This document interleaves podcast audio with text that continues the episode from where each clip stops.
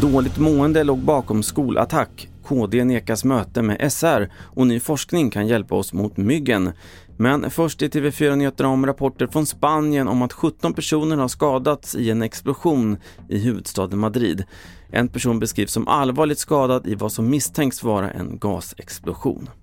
Sverige. Idag åtalades den 16-årige pojke som misstänks för skolattacken i Kristianstad i januari där en lärare och en elev knivskadades.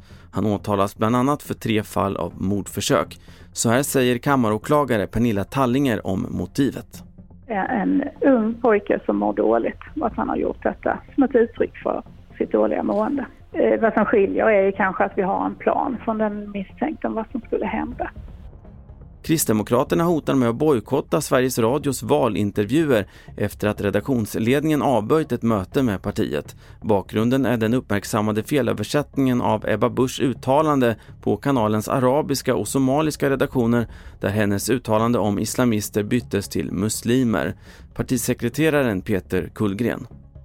De citerar oss så brutalt fel och sprider alltså eh, falska uppgifter till tusentals människor som tror på det som Sveriges Radio eh, säger och de, de, vill inte träffa oss eh, och, och möta oss.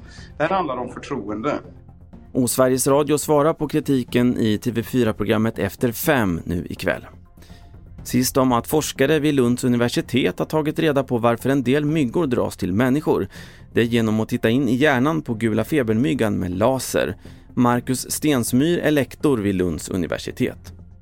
Nu när vi vet vilka doftämnen det är som mygg använder för att hitta oss kan man tänka sig att man kan ta fram då myggmedel som helt enkelt tar bort de här doftämnena från vår kroppslukt.